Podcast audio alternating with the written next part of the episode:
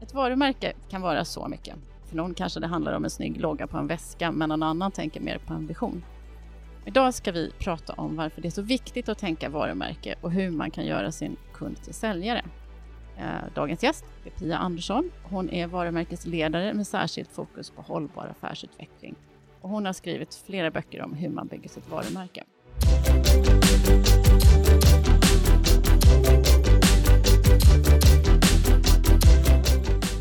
Hej och välkommen till Starta eget-podden. Jag heter Jasmine Bayramoglu och är chefredaktör för drivaeget.se. Och hej och välkommen Pia. Hej, tack. Pia, vad är ett varumärke för dig? Så jag brukar ju ställa den frågan till eh, publiken när jag föreläser. Ja. Eh, och då får jag ibland lite olika svar. Att eh, det är någonting som är känt, någonting som är tryggt, det är kvalitet. och jag brukar definiera ett varumärke ur flera olika perspektiv för att det är ibland tänker man att det är någonting som är känt. Men kända varumärken har ju också en fördel och det är ju att många vet vad de erbjuder och varför man ska välja dem. Det är inte bara ett namn ett in, utan innehåll utan mm. man förknippar företagsnamnet med ett erbjudande. Men det tredje steget är ju också tycka om. Så att man är känd, de vet vad man erbjuder och varför de ska välja en. Men sen att de potentiella kunderna kanske också tycker om en. För att då blir man vald. Mm. Och blir man då vald första gången och lyckas väldigt bra i relationen med kunden så kanske kunden väljer en en gång till. Och har kunden då blivit överraskat nöjd och stolt över sitt köp så kanske de till och med börjar berätta för kompisarna om det här företaget, deras tjänster eller produkter. Och då har man ett starkt varumärke. Då, ja, då var vi färdiga med det här avsnittet. då har vi redan kommit fram till så gör du din eh, kund Nej, många, till en säljare. Ja. Många företag går ju bet på att tro att det handlar om kännedom mm. och att det handlar om att också kunderna ska känna till liksom vad man erbjuder och varför man ska bli vald. Eh, och missar att kunderna också behöver tycka om en. Vi ska komma lite mer till det. Jag tänkte så här, om man tänker sig att jag står med en idé Eh, jag vill förverkliga den. Jag, eh, eller jag kanske precis har startat mitt, mitt företag. När ska jag börja fundera på mitt varumärke? Alltså det börjar från dag ett. Jag tänker att ett företag, eh, hela den identitet och profil och image företaget har, är varumärket. Så det, du menar att man, det, man börjar tänka på det redan när man utvecklar sin idé?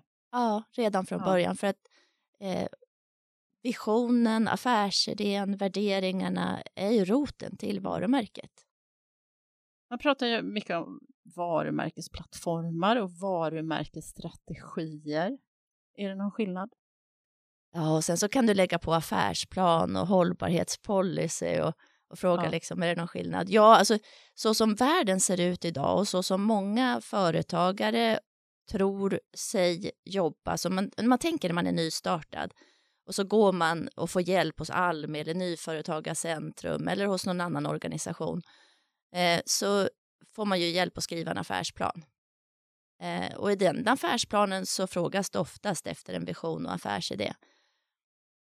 Och marknad och hur man ska ta sig dit och marknadsföringsstrategier och så. Men när man då sen har gjort det där klart och fått igång sitt företag så är det många som tar den där affärsplanen och så lägger man den i hyllan och så tänker man nu är det dags att bygga varumärke och så kanske man tar hjälp och går till en reklambyrå om man har råd eller börjar tänka de här tankarna själv, köper någon bok och kanske tänker att det här kan jag ju själv. Så tror man att nu ska jag göra en varumärkesplattform och tänker att det är något helt annat än affärsplanen. Det är samma sak. Det är samma sak.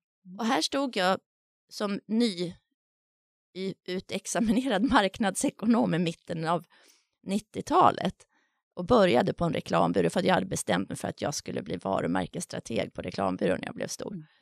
Och förundrades över när reklambyrån presenterar hur man gör en varumärkesplattform. Och mina första frågor är var har, varför frågar ni inte efter företagets marknadsplan och affärsplan? Det är samma ingredienser, vi kallar dem bara olika saker. Så svaret på vad skillnaden mellan en varumärkesplattform och varumärkesstrategi då är, då är det ju varumärkesstrategin är en del av varumärkesplattformen och informationen från plattformen hämtar man i affärsplanen. Och, men vi kommer till sen hur man använder sig av det här. Men jag tänker, du har ju skapat en modell som du kallar för 5V till 5P. Jag tänkte att du ska få leda oss lite grann igenom den. Mm. Berätta om dina V och hur de blir P. Mm. Har, man sin, har man sin varumärkesplattform när man har tagit sig igenom det? Ja, det har man och då har man inte bara en varumärkesplattform utan man har affärsplanen och man har också integrerat mm. hållbarhet i eh, hela företagets affär från vision och hela affärsmodell.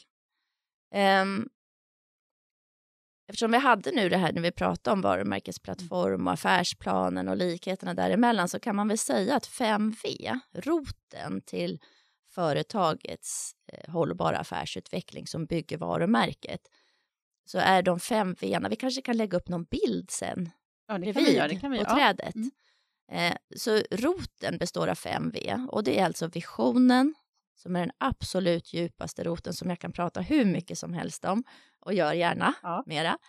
Eh, och när visionen som då kanske är kopplad till de globala målen som har ett högre syfte för företaget än företaget självt. När den sitter, då kan man ju också fundera hur, liksom, tillsammans med vem tar jag mig till visionen? Och där väljer man målgrupp. Så det andra vet är vem är det vi vänder oss till? Och det är alltså målgruppsbeskrivningen nedskalad till en drömkund. Det kan man sen man skala ha, Man ska liksom se en person, en fiktiv person framför sig. Ja, som både man kan se en lönsamhet, business to business eller liksom konsument. Mm. Men som både har lönsamma, alltså man ser att det här är en kund som faktiskt kan bli, ge företaget lönsamma affärer, men att det är en kund som efterfrågar rätt saker så det utvecklar företaget i rätt riktning. Och sist men inte minst, se till att den här beslutsfattaren faktiskt har rätt egenskaper. Så att man har kul ihop. Man bestämmer man måste träffa det. dem först helt enkelt. Nej, man bestämmer först och det finns ju någon, man vet ju. Är man helt nystartad. Men vi är fortfarande på fiktionsstadiet. Ja, ja. är man helt ja. nystartad och har eh, hittat en, eh, en det finns alltid någon kompis i närheten som skulle kunna vara den där drömkunden. Det finns någon man känner. Det är inte helt ovanligt att man eh, startar upp en verksamhet där man själv har varit kund till tidigare. Så det är inte jättesvårt att sätta på mm. sig den där kundhatten och leta efter liksom, vem är det där egentligen. Men eh, kan man hitta vem om man inte har hittat visionen? Ja, men då är det ju lätt att man går vilse. För att då vet man ju inte liksom hur man vill att företaget ska utvecklas. Utan man behöver ju först och främst tänka efter åt vilket håll, i vilken riktning mm. är det man är på väg. Eh, och sen bestämma sig tillsammans med vem är det jag ska ta mig dit. För det är inte alla kunder som kan ta en till visionen. Men om man inte tänker så här, om man inte hittar den här roliga personen sen då? Man kanske har målat fram den här fantastiska kunden som inte finns. Nej, Tror du att man kan göra det? Ja, det tror jag. Eller? Nej. Du tror inte att det... Nej, man får ju säkerställa att personen i fråga finns. För nästa mm. steg sen när man är nystartad, det är ju att försöka hitta den här personen på riktigt. Och kan man då också börja utveckla produkten, tjänsten tillsammans med kunden? Och ta reda på eh, och kanske inte bara intervjua en då, utan hitta fem. Mm. eh, och fråga kring eh, vilka problem de står i idag. Inför att de tänker göra något dylikt köp. Eh, och där kan man, när man lär känna kund, kundens problem, då kan man ju formulera vad är det vi erbjuder som är lösningen på kundens problem. Det är det tredje vet. När man sen... Varför alltså? Varför? Nej, vad? Vad? Mm, vad är det vi erbjuder som ja. löser kundens problem? Sen när man intervjuar den här kunden vidare, eller de här fem, så kan man ju också fråga vad har ni för förväntningar på hållbarhet? Både social, ekologisk och ekonomisk utifrån vårt företag. Vad har ni för praktiska behov och känslomässiga behov? Och utifrån det kan man då formulera tre anledningar till varför kunden ska välja just ens företag då, inte någon annan. Och kan göra det i en konkurrentanalys och jämföra också. Vad säger de andra som säljer ungefär samma saker som jag gör? Har jag tre anledningar som är särskiljande? Mm. Och det kan, vill jag prata mycket om sen, senare kanske, runt just hur man, unique selling points är någonting man pratar ja. om, emotional selling points eller sustainable selling points som jag har myntat. Det är bra. Så där har vi alltså vision, vem, vad är det vi erbjuder till dem och varför. Och varför. Och sen har vi ett femte V. Mm, som är värderingarna. Och värderingarna visar ju företagets personlighet. Eh, egenskaper. Mm. Vad kan det, ge något exempel på vad det kan det vara? Vilken typ av ord? Ja, vilken typ av värderingar liksom? Vad är det? Alltså jag tänker så här, när, oavsett storlek på mm. företag så brukar vi alltid backa tillbaks till eh, grundaren. Och när man nu ska starta så är man ju där mm. och börjar där. För att någonstans så har man har det blivit en företagskultur på grund av grundarens egenskaper. Och då är inte det vilka egenskaper som helst, utan det är de positiva egenskaper som grundaren har, som kan ta företaget till visionen.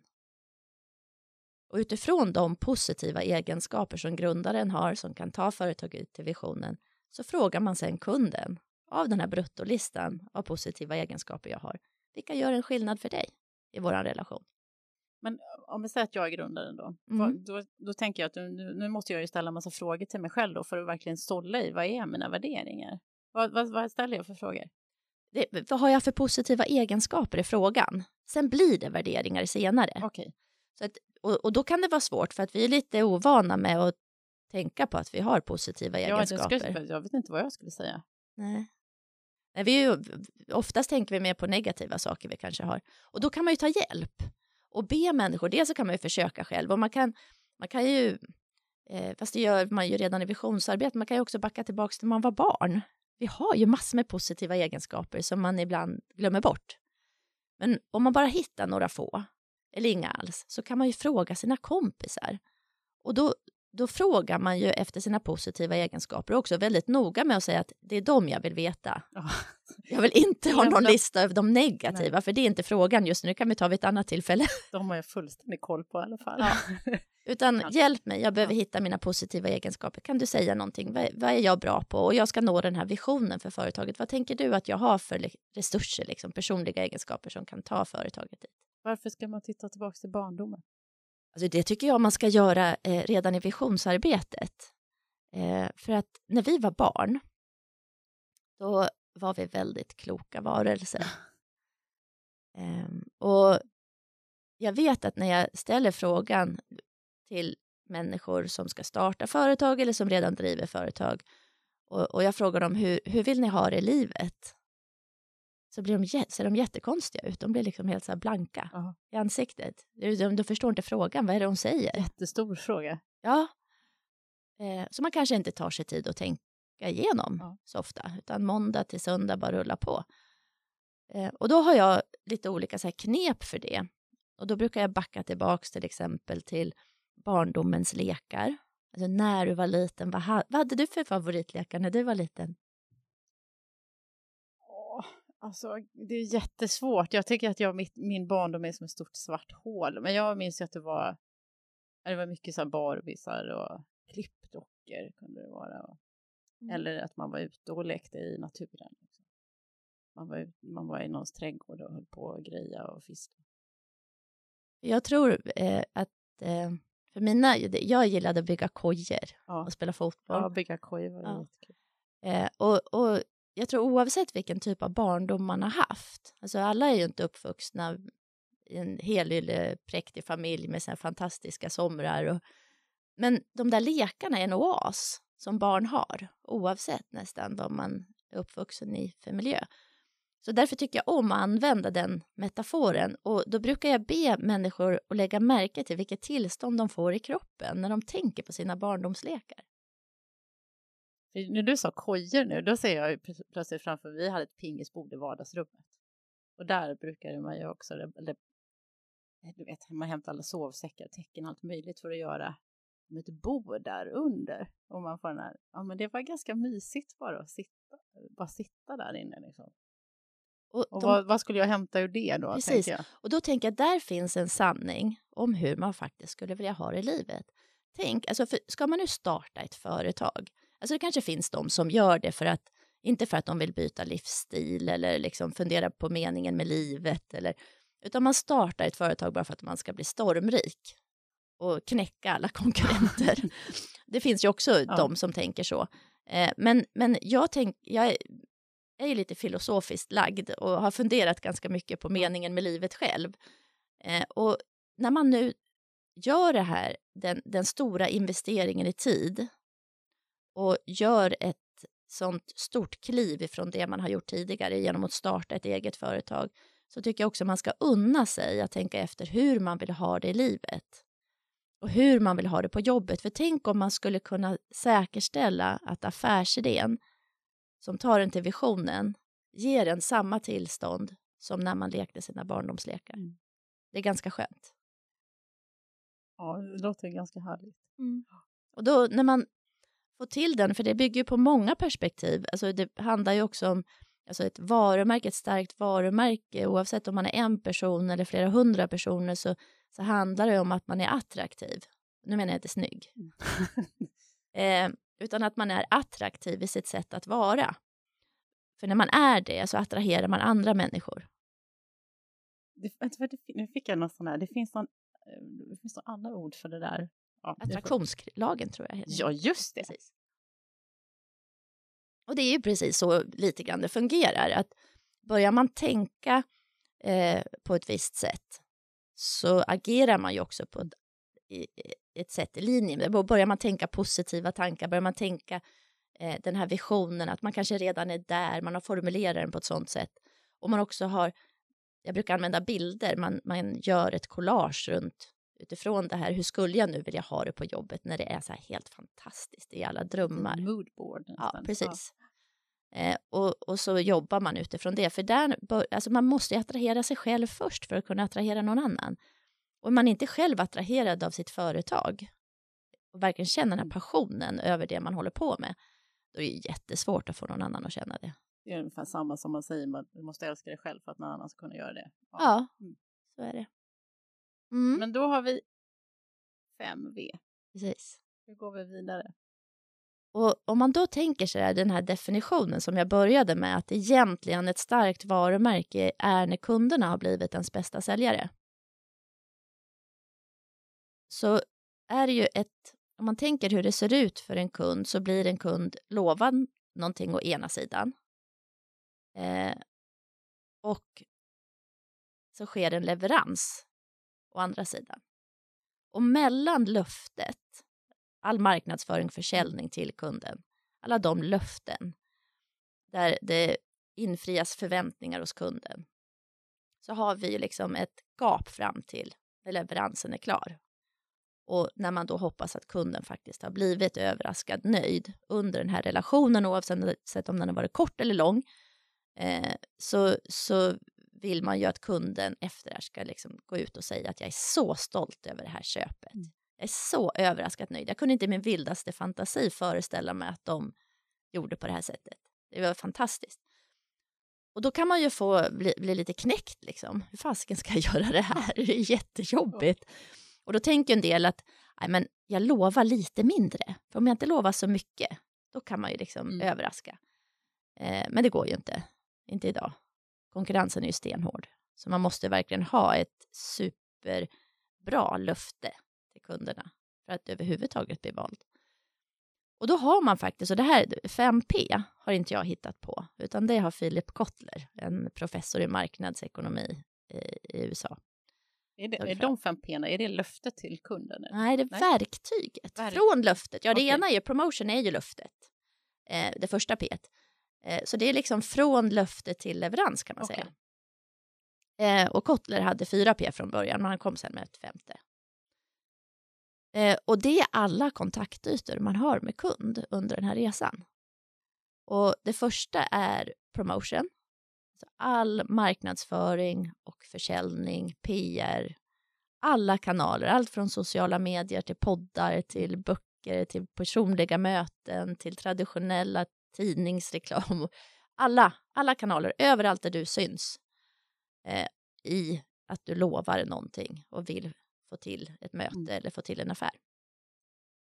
Och när man har då skickat ut alla de här budskapen och kunden kanske blir intresserad så tar de sig till en plats för att träffa dig.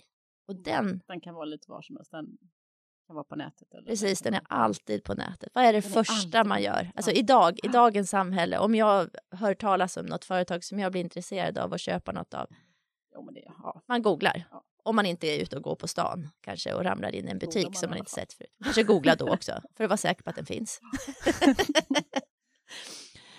Så att platsen, och där är ju liksom alla de platser där man träffar kunden, där den första många gånger är hemsidan. Men den fysiska platsen kan man ibland glömma bort som företagare, speciellt som nystartad. Alltså, om man nu har ett kontor, hur ser det kontoret ut? Och hur, hur liksom stämmer det överens med det här luftet man har skickat ut innan? Är det liksom samma form, färg, ton, mm. upplevelse? Vad luktar det? Vad är det för musik? Låter det någonting? Det finns ju så många, vi upplever ju ett rum ur så många perspektiv. Men du tänker att allt det ryms i löftet? Ja, det är platsen. Eh, man tänker det som vi sen ska uppfylla på platsen?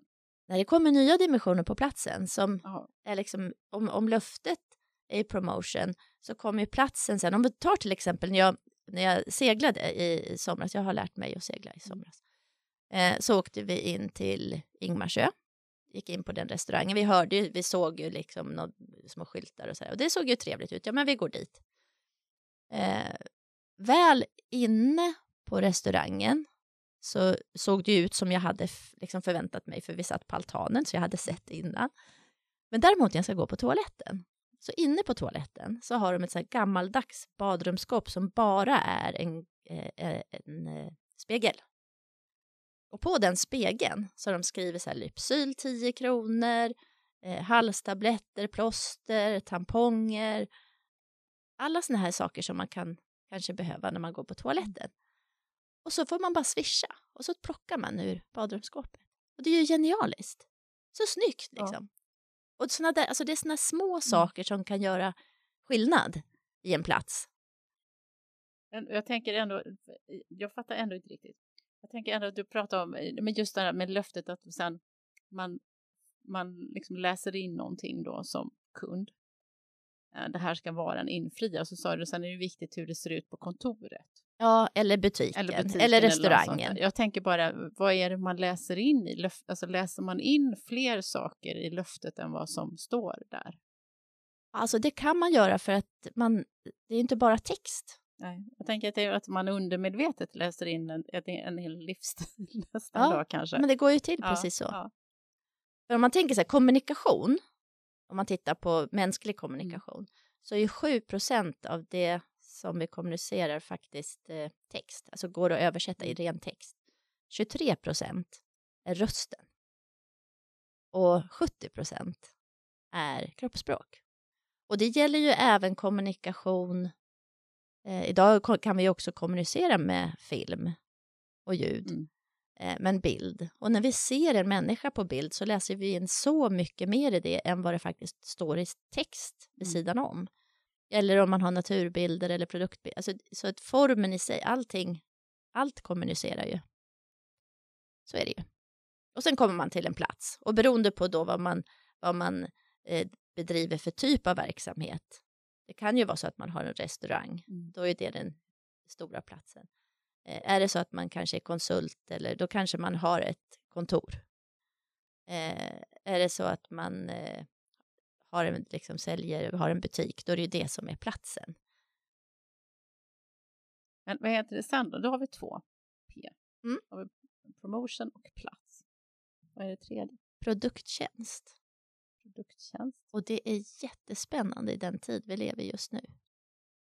Produkttjänst att, låter ju som två saker. Ja, det är produkt slash tjänst. Ja. Egentligen så är det ju produkter, men det finns ju tjänster också. Mm. De är inget P, så de gick in under samma. Ja. Men alltså, vi lever ju i en, eh, en tid när, när vi diskuterar hållbarhet väldigt mycket ur väldigt många olika perspektiv. Och tittar man då först och främst på produkt så pratar man ju idag redan liksom produktens födelse. Hur är den, är den ihopsatt på ett sådant sätt så att när den sen dör går att återvinna på ett bra sätt? Eller har man mixat material på ett sådant sätt så att det inte överhuvudtaget går ut att återvinna materialen? Och från det sen att produkten, alltså man vill ju säkerställa hela produktens värdekedja rakt igenom. Har den, vem har producerat den? Var kommer materialen från? Är det hållbara val överhuvudtaget? Eh, och kan man sen fortsätta att se den här produkten som sen kommer ut på marknaden, hur länge får den leva innan det är dags för återvinning? Finns det en andrahandsmarknad för produkten? Finns det reparationsmöjligheter av produkten? Kan den hyras ut? Så att man liksom se, försöker göra så långt liv som möjligt för produkten för att sen gå tillbaka till återvinning och bli en ny produkt igen. Och det här är ju jättespännande och där några företag verkligen ligger före andra. Eh, och som Houdini till mm. exempel, Nudie Jeans har ju varit väldigt duktiga på det här. Det här låter också som någonting som skulle kunna platsa på din USP-lista där liksom. Ja. Också att man har, att det blir en unique selling point. Ja, som är en sustainable selling ja. point dessutom. Och emotional selling point. All, alla tre får man in i det. Ja. Eh, och sen om man tittar då på tjänster så är det ju så att tjänstemarknaden idag eh, ligger lite i linje med produkter. För att om man tittar till exempel på Ikea, de kommer börja nu att hyra ut möbler. Ja, det är jättespännande. Ja, det är så spännande för att om man tänker så som det har varit med, med produkter så kan man, där vi tidigare och fortfarande tyvärr eh, konkurrerar om, om bästa kvalitet till lägsta pris så, så finns det faktiskt produkter på marknaden idag som, som inte, alltså jag kan ibland tycka att det är olagligt att sälja dem för de funkar ju inte när jag, alltså jag köpte dem med nya och de funkar inte när de kommer hem. Vad är det för grej? Ja, det var någon dammsugare liksom jag köpte till båten, den ja. funkar inte ens att dammsuga med. Eh, så eh, den här, att, att om, om man då liksom lisar ut mm. sina produkter till sina kunder, så dels så får man en jättemöjlighet som företag att bibehålla en relation med kunden, där man verkligen kan göra dem överraskat nöjda. Men ansvaret för produktens livslängd och kostnaderna om livslängden för produkten är för dålig tillfaller ju den som då hyr ut. Och det här är ju superintressant, för kommer vi mer och mer gå åt det här hållet, att man inte äger utan att mm. man delar eller, eller, eller hyr eh, produkter, så kommer ju kvaliteten tror jag gå tillbaka, bli mycket bättre igen. Ja, det är lite som med barnvagnarna som kunde hålla så 30 år för och som knappt håller en vinter nu. Nej, precis. Och sen ser vi också där vi har alltså delningsekonomin som bara är i sin linda, där vi har Airbnb till mm. exempel, Uber, Eh, det finns även bildelningspooler nu som är helt privata. Men om man ska ta, alltså det är så intressant för här, här finns det ju de som, eh, eh, Volvo till exempel, de har ju en bilpool inom citationstecken verkligen, eh, som heter Sunfleet. Eh, och det, det, de kallar det för en bilpool och då kan jag tänka så här att åh vad trevligt, här har vi en, en delningsekonomi helt kollektiv. Jag tänker kanske inte då riktigt på att Volvo tjänar pengar på det här, för egentligen så är det ju bara en modernt sätt av att hyra ut bilar på. Det är en biluthyrningsfirma. Fast den är digital, den finns i en app, eh, den är parkerad på lite olika ställen i stan, typ som de här Voi mm. elsparkcyklarna. Så det, det, där, det finns ju också de som anammar hela den här trenden. Eh, Fast det är ju samtidigt så här, ja, vad ska man tycka om det? Det är väl jättebra? Ja, det är jättebra. Ja, det är inget dåligt. Ja. Men det är en delningsekonomi ja. som vi faktiskt har haft under lång tid utifrån biluthyrnings... Mm. Och så sätter man ett nytt ord på det och ja. så är det hur hypat som helst rätt som det. Men sen har vi ju tjänster och liksom som inte handlar om att hyra eller liksom dela mm. produkter. Och det är ju hela konsultsidan, alltså alla vi som säljer kunskap. Och det är ju också jättespännande hur man faktiskt kan förpacka produkter av sin kunskap. Så det här kan jag prata hur mycket som helst om eh, och det är verkligen någonting jag brinner för. Men det är produkt och det, det är det promotion, plats, produkt. Det är 3P. Då har vi tre P. Två kvar. Vad har vi på fjärde platsen? Det här P är ju väldigt intressant för det är ett P som faktiskt egentligen är det enda som möjliggör företagets intäkter. Det är priset. Så beroende på vad man sätter för pris på sina tjänster och produkter så tjänar man ju mer eller mindre pengar. Så man får vara lite varsam med det P. Vi ska faktiskt, vi ska faktiskt träffa en prisexpert i eh, nästa Starta eget-podden där vi ska grotta jättemycket i pris. Men du får jättegärna dela med dig av dina tankar på priset. Jag gör det lite mm. kort då. Mm. Men jag tänker att när man pratar varumärke och pris så är det ju många som... Det första, vad är det första du tänker på när man säger så här, varumärke och pris? Att det finns, eh, att det finns så många sätt att sätta pris på. Liksom. Att det är svårt att det, jag tänker att om man är till exempel eh, som jag som jobbar i mediebranschen Eh, om man vill komma in i vår bransch så är det många som får höra att man ska gärna ska jobba lite gratis eller man ska liksom för att man tror att man ska få kunder sen och så där och då och då blir jag kan jag bli så här känna mig ja okej okay, men risken att man sätter sitt pris för lågt eh, i förhållande till vad man vill ha ut på sikt. Hur lätt är det att höja ett pris? Hur måste man ligga kvar där man börjar? Alltså hur hur väljer man rätt nivå? För det finns, man kan ju gå in som lågprisare eller man kan gå in som superexklusiv. Precis. Hur hittar man sitt? Liksom? Precis, och det är där eh, det jag försöker komma ifrån. För det är ju oftast där man står, ska jag vara i det här högprissegmentet eller ja. lågprissegmentet och ett högt pris, då har jag ett starkare varumärke, kan ju en del tänka. Eh, men Ja, jag... det där är ju också konstigt, för vad är ett starkt varumärke? Ryanair är väl ett jättestarkt varumärke? Ja, och Ikea. Ja. ett jättestarkt varumärke. Ja. Nej, så, så jag tänker mer att det handlar om hur man förpackar priset mm. och hur man tar betalt. Um, all inclusive har ju inte blivit så populärt för att det kanske är det billigaste. Utan, Utan det är för att man vet innan. Har man fyra barn som jag har och så åker man iväg på, all eller åker iväg på, på något ställe där man får äta hur mycket man vill. De kan ju ruinera mig totalt. Jag har fyra pojkar det är inte något roligt. så du åker alltid all inclusive Ja. ja, det gjorde jag nog inte sist faktiskt. Men, men eh, jag har gjort det jag ja. tyckte att det var väldigt skönt, speciellt när, när de flesta var i liksom tonåren där. Det är lite som att ha fast ränta på banken, man vet vad det kostar, så ja. är det bra med det. Kanske kan... inte var det egentligen mest prisvärda, men, det, men man vet. Ja, man blir trygg ja. och man vet, eller så gör man som Sunes familj, den här Eh, filmen när de är på den här charterresan. Sunes pappa försöker få ut så mycket som möjligt ifrån det här all inclusive och ska äta hur... Eh, som packar resväskan med mat innan. Ja, lite så nästan. Eh, men, men, men alltså all inclusive, man kan tänka det konceptet. Mm. Och om man nu säljer produkter eller tjänster och funderar på vad skulle det innebära om jag skulle tänka så när jag ska ta mm. betalt. Mm. Eh, någonting som är väldigt spännande tycker jag, speciellt i tjänstesektorn faktiskt, så handlar det om att, att ta reda på eh, den här processen som man driver på något vis. Om man kan förpacka det i olika moduler och ta betalt på det viset. Jag eh, brukar använda Järvsö skidbacke som exempel.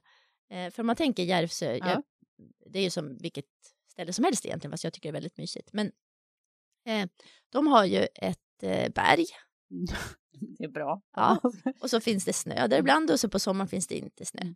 Och så försöker de tjäna pengar på det här berget på olika sätt. Och då, då har de liksom liftkort, de har skidskola, de har satt dit restauranger och så har de ju inte bara liftkort utan de har ju olika slags liftkort, allt från dagkort till veckokort. Eh, de har något som kallas Black Manchester. Vet du vad det är? Nej. Eh, Manchester betyder ju att man då kommer dit och får åka innan liftarna öppnar. Ja, för när det är pistat sådär. Så Precis. Manchesteråkning. Ja. Om man betalar lite extra för så får man komma upp en tid. Men Black tidigare. Manchester, vad är det då? Och det där svarta står för att man får dricka hur mycket kaffe man vill i backen. Man får gå upp så väldigt tidigt. Ja, alltså man måste hålla sig pigg. Men det här har de utvecklat tillsammans med sina kunder. Önskemålet ja. har funnits. Och det är så här jag tänker när det är att vara kunskapsföretagare, att man har ju som ett berg av kunskap. Och hur kan man förpacka det på olika sätt som kunderna kan få köpa sina tjänster som, som, som produkter istället för per timme? För att hålla på att sälja sig själv per timme är jättesvårt. För man levererar olika per timme, det är ju Mm. leveransen, inte tiden. Så, det- eller att man har prenumeration av sig själv Mm. eh, per månad. Eller, och sätter bort det, försöker få bort timperspektivet. För det, det är väldigt svårt både att lova rätt och sen att fakturan som kommer på slutet faktiskt överensstämmer med det som var från början. För ibland, eh, en god vän till mig som jobbar som copywriter sa just det, vi satt och diskuterade just hur sätter man pris på en idé? Mm. Eh, bra idéer kommer ofta väldigt snabbt, men det kan ju vara egentligen extremt mycket mer värdefull än en idé som man har fått kämpa sig till för att den var väldigt svår att knäcka och så blev den en halvmesyr, men då har jag kanske lagt 40 gånger mer tid på den då lite sämre idén egentligen. Så hur tar man, hur tar man betalt för, för det som kanske kom på fem minuter? Och det gäller ju aldrig att säga att det hände på fem minuter, Nej. utan man har lämnat en offert liksom på Ja. Så, här, så här mycket Ja. kostar en idé. I en bärande del i gestaltning eller luft eller vad till exempel en reklambyrå kallar det. Och där har ju reklambyråerna faktiskt varit väldigt duktiga tycker jag, med att produktifiera Mm. sina tjänster eh, och inte ta betalt per timme. Men, men eh, om man tittar också på produktsidan, jag tycker eh, du har ju en jag. Har du, har du, har du en eh, serviceavtal på den? Alltså du pratar med helt fel person. Jag tror inte det, men jag har ingen aning. För när jag köpte min Mac, då, var jag Ja. också helt fel person. Och då, men då fick jag tipset, köp ett serviceavtal om 3 000 kronor för tre år. Och så får du ringa hur mycket du vill om du har handhavande problem, om du eh, faktiskt handhavande Ja. problem och mjukvara, hårdvara och sådär och förklara program och allting. De har inte tjänat en krona på mig för jag har ringt så mycket till dem. jag har den största kostnaden. Jag tror jag äter upp hela min dator faktiskt i stöd. Men jag är helt säker på att de pengarna, alltså den servicen, tjänsten som de har lagt till på sin produkt, sitter på marknadsföringskontot. Säkert. Jag Ja. tror det. Och där, där, där får man också tänka efter när man säljer de här produkterna. Kan man lägga med tjänster till de här produkterna som gör kunden mer nöjd än någonsin? Och lägga det någon annanstans. Man kanske inte ska tjäna pengar på alla Mm. sätt samtidigt. Så det är li- lite grann Ja. runt pris och produkt och hur man kan tänka så. Så har vi det femte P. Ett P kvar. Ja, det var det som, som Kotler hade glömt bort.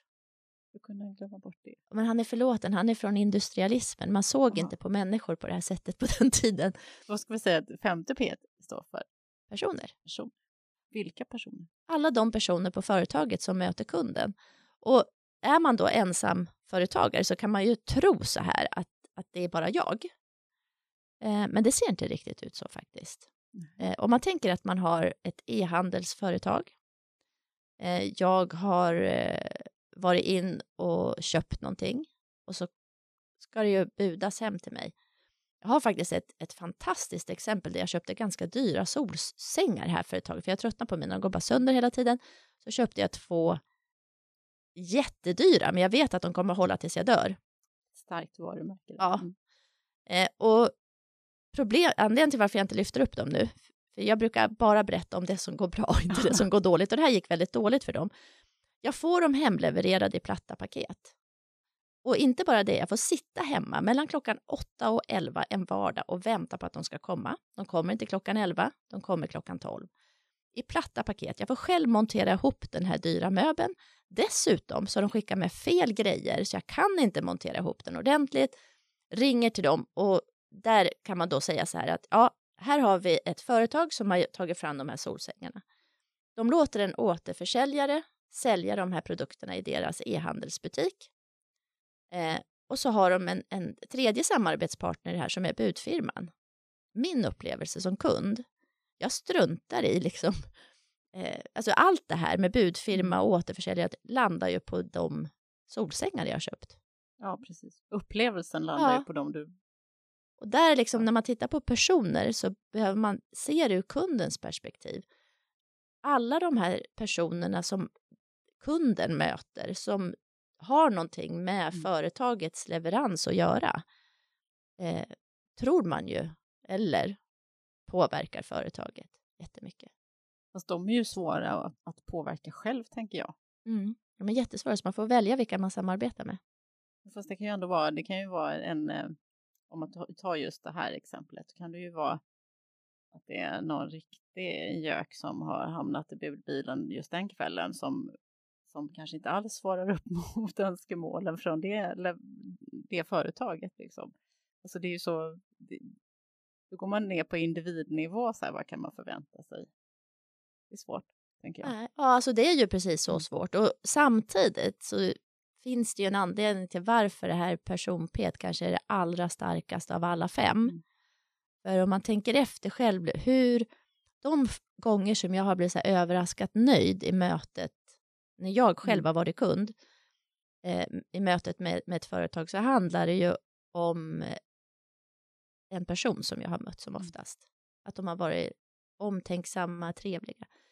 Och där har man ju faktiskt, när det går så här dåligt som det gjorde för det här företaget, och jag ringer dem, då har de ju en, verkligen, alltså en sån chans. För hade han, den här personen som svarade i telefonen, tagit mig eh, på rätt sätt, alltså hjälp, velat förstått mm. mig, rättat till det, gjort någonting annorlunda så att jag, och säkerställt att jag verkligen skulle bli nöjd, så hade jag varit mer än överraskat nöjd. Så där är det här personpet, alltså det är inte så att man måste lyckas varje gång, men om man misslyckas, så att verkligen ta den chansen, för det är ju en gyllene chans att få en bra relation med kunden, om man bara gör det på rätt sätt. Men du, mm. du har varit, under vårt samtal så har du varit mycket inne på hållbarhetsfrågor. Går det att starta ett varumärke idag och lyckas med det utan att ta in det perspektivet? Nej, skulle jag vilja säga. Jag, Vi är förbi den tiden. Ja. Eh, om man tänker att en del när man gör den här affärsplanen från början, när man sitter där och ska starta sitt företag, eh, så handlar det om att göra en omvärldsbevakning. Inte bara utifrån sin egen bransch, utan titta verkligen vad är det för, vad är det för trender som just nu pågår i världen. Det måste man ju ha koll på. Eh, och då skulle jag vilja säga att, att digitaliseringen och hållbarhet är faktiskt inte ens en trend. Jag vill inte säga att det är ett paradigmskifte Nej. heller, för det kanske är att ta i, men jag tycker nästan att det är i den digniteten. För att det kommer betyda att vi kommer behöva sätta om våra livsstilar. Ja, vi har redan gjort det. En, en revolution egentligen. Alltså. Ja. Så det, är det är ju något stort.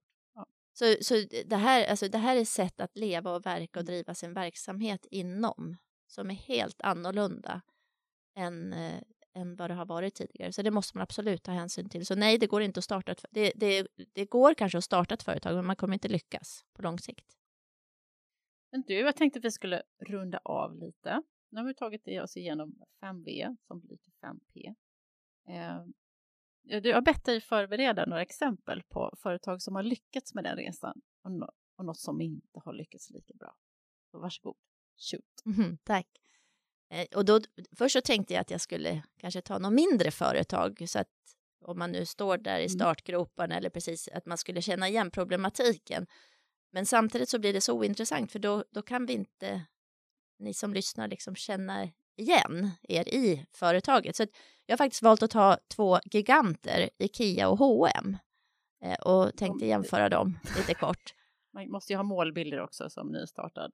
Ja, Eller men framförallt så blir alla har varit på Ikea, alla har nästan varit på H&M och känner till dem, så man har en relation till de företagen. Och, och, i det så kan man då känna igen problematiken på ett annat sätt än om jag skulle börja prata om Kajsas kök eller Valunds projektledning eller Uppsala Monitoring Center. Nu blir jag jättenyfiken, vem är det som har lyckats? Ja, eh, jag skulle vilja säga så här, om man, om man tittar på de här två visionerna, mm. Ikea har en vision, H&M har en annan vision. Så tänkte jag vi bara skulle analysera mm. lite utifrån det. Ikeas vision eh, är att skapa en bättre vardag för de många människorna. Det är en vision de har haft från allra första början, när de startade. Eh, H&M har en vision om att de ska leda eh, förändringen till en cirkulär och eh, förnybar modeindustri Eh, Medan de då ska vara eh, ett fair och jämfört, alltså fair handlar ju väldigt mycket om arbetsvillkor, mm. eh, och jämlikt företag. Det här är två olika visioner. Mm. Eh, och när jag, om man då backar tillbaks till hur jag tänker på en vision, och det har vi inte pratat om än, det perspektivet, och det, det finns studier som visar att Alltså oavsett, och då handlar det inte om hållbarhet nu eller digitalisering eller vilken tid vi lever i, utan över tid så har det visat sig att ett företag som har ett högre syfte än företaget självt, där det inte handlar om att jag ska bli störst, mäktigast, rikast, mm. starkast, bäst, eh, utan att jag i min vision för företaget har ett syfte om att göra någonting gott för andra, eh, tenderar att bli mer lönsamma av den anledningen att medarbetarnas engagemang ökar med hela sex gånger och kunderna blir mer lojala. Och då tittar man så här på, och det här tycker jag är jätteroligt med H&M för det blir som en logisk kullerbytta. Eh, eh, eh, Ikeas vision ja. om att göra en bättre vardag för de många människorna, eh, den har ju ett högre syfte. Den är inte helt klockren tycker jag, för att den är inte, de skulle behöva ha den skulle behöva vara tydligare formulerad, som om man redan vore framme, den skulle behöva vara mer specifik. Men i den andemeningen. Mm. Eh, om man tittar på H&M så har de gjort den här traditionella eh, i den tidigare marknadsekonomin där man visioner för alla företag var ju vi ska bli störst, mäktigast, vackrast i världen. Eh, knäcka alla konkurrenter. Eh, så har de gjort liksom motsvarande fast gjort det i ett hållbarhetsperspektiv. Alltså de säger egentligen att vi ska vara den ledande aktören eh, till liksom en, en, en hållbar, ett hållbart, eh, hållbar modeindustri. Eh, och då har de tagit den här i alla fall, att vi ska vara bäst. Alltså de säger ju inte riktigt vad ska det här leda till? För vem gör de det här egentligen? Så, så eh, om jag ska vara elak Eh, så, så har de gjort en lite logisk kullerbytta. Jag skulle vilja höra liksom, vart ska det här leda någonstans? För när jag tittar på, när jag tittar på H&M och ser de problem H&M har haft sista tiden, de har dels, alltså de gör ett bra hållbarhetsarbete de är goda exempel när man går hållbarhetsutbildningar. Så här hållbarhetsrapporterar, de gör ett jättebra jobb. Men de har ju tyvärr Eh, hamnat i media, både för att de bränner upp tonvis med kläder och att de har urusla arbetsvillkor för leverantörerna. Jag skulle säga det, alltså det är ju lite svårt. Någonstans så här, om jag, om jag tänker mig på mig själv som konsument nu så, så är det ju jag har ju väl läst väldigt lite om det goda hållbarhetsarbetet. Eh, jag har ju hört om att de vill, att de säger att de vill, men det är ju inte det jag själv upplever kanske att jag har sett. Eh, det här cirkulära, eller eftersom det varit mycket så här fredagstoppen och man kan bara slänger man den och så köper man något nytt. Eh, så att det känns som att Ikea, där vet vi, eller som jag, ja, jag bara tänker, Ikea, där vet vi, för där, där har vi alla varit och handlat och det, det gör det lite enklare i vardagslivet. Medan H&M känns mer som att, ja, ett, en framtids...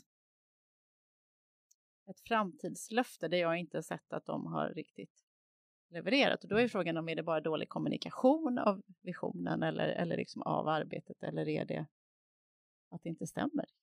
Så jag, jag har en eh, teori om att det inte riktigt stämmer. Därför att när jag tittar på liksom, vad, har, vad har H&M gjort varumärkesmässigt, eh, om man backar tillbaks nu, så har de ju liksom, dels har de glömt, de har ju startat massor med andra varumärken eh, som heter, jag var tvungen att ta upp listan här, för de här liksom kopplar inte jag riktigt till, till H&M eh, som varumärke, mm. Weekday, Cheap Monday, Monkey, Eh, och sen har de lite andra butiker och så. Eh, de, för mig är inte det H&M. De är i hm gruppen men de är liksom mm. inte samma varumärke, det är andra. Och de, där gjorde de ju en, och jag tror att de gjorde en motsvarande eh, idé som e-handeln gjorde. Man tittar på hur flygresor ser ut. Eh, så, så alla de här sajterna som vi kan köpa billiga flygresor ifrån, de, de utgår ifrån samma digitala affärsplattform för att köpa flygresor. Så utmaningen för koncernen, till exempel i Traveleye, mm. som har sju, åtta, hade de olika sajter på nätet då, så är det ju att inte kannibalisera på samma målgrupp utifrån samma produktionsapparat.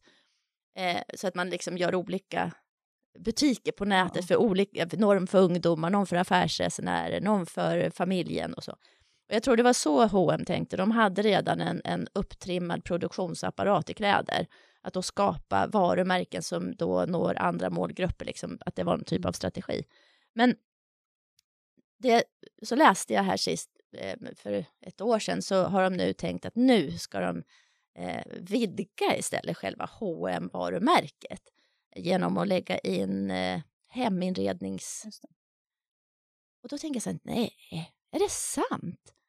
Har de fortfarande inte tänkt tanken att vi kanske borde ha ett högre syfte för verksamheten och att de om några, för jag tänker som eh, Houdini, eh, kläder, friluftskläder, eh, som, som har hela den här cirkulärekonomin klar, liksom från produktens födelse, hela mm. resan igenom. I butikerna så kan man hyra kläder, man kan köpa begagnade kläder, man kan lämna in kläderna på reparation och de har till och med Houdini-jord. Har, ni, har du sett det? Nej. Det är jätteroligt.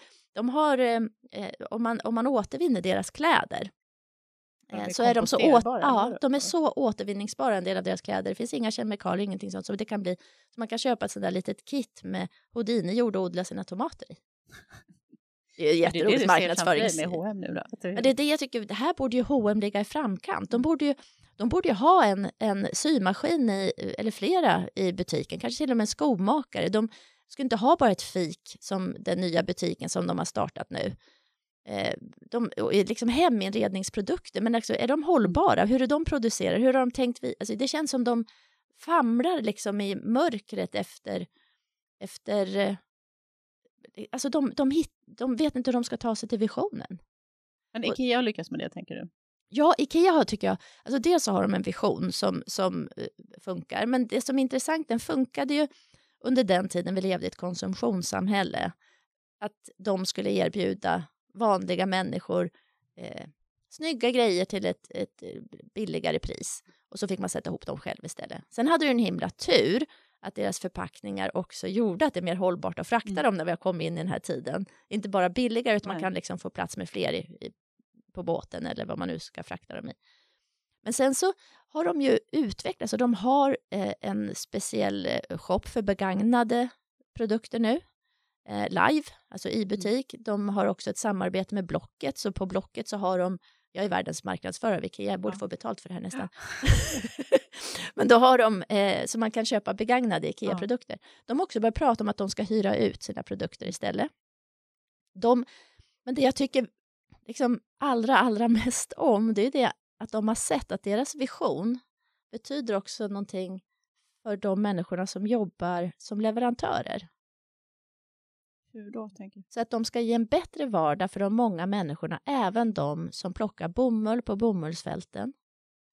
Och för de som syr eller producerar. Men har inte Ikea också, precis som H&M hamnat lite i blåsväder när det gäller produktionsförhållanden?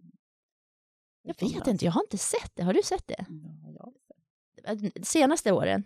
Jag, jag, jag kan inte säga, det är inte senaste året, men, men i alla fall, jag såg nästan, det var, där det var liksom, ja, inte jätte trevligt. Så. Jag tror de gick väl på pumpen ganska många gånger innan de högg tag i det. Men jag tycker också att de har, de kommunicerar och säger att, eh, att, att de kan inte vara hundraprocentiga. Och, och det är där också... De volymerna tror jag det är svårt att vara det också. Ja, de säger det, att vi, vi gör vårt bästa och vi vill, de vill verkligen och de har en avsikt men, och intention. Men det, det är där någonstans, eh, det, det, här hur kommunicerar man, hur vågar man berätta? Om man då tänker promotion pet igen, mm. hur, hur ska vi våga? Vågar vi berätta? Och jag tror att har man en, en vision, ett högre syfte och tar sig dit med berättelser och säger så här långt har vi kommit nu, vi är inte perfekta, men vi gör så gott mm. vi kan, så, så blir man också förlåten när det går dåligt ibland. På ett bättre, annat sätt. bättre att vara lite ödmjuk än att säga att vi ska bli bäst. Ja, för att man då tänker som H&M som säger att vi ska leda utvecklingen, alltså leda den hållbara utvecklingen i branschen då kommer folk verkligen att granska dig. För då ligger du inte ett eller två eller tre hur, och inte liksom klarar av sanitetsfaktor. Då blir det ju läskigt. Pia Andersson, så roligt att ha dig i Starta eget-podden. Stort tack för att du ville vara med här idag. Eh, tack också till Rikedomspodden för att vi fick låna er studio. Lyssna gärna på våra två andra poddar också, Business Hacks och Ordinary People Who Do Baddest Things, eller på Pias egen podd, Pia-podden. Du hittar dem där du hittar andra poddar eller på drivaeget.se. Nu lyssnar vi på lite musik från Soundry. Tack för idag! Tack så jättemycket för att jag fick vara här.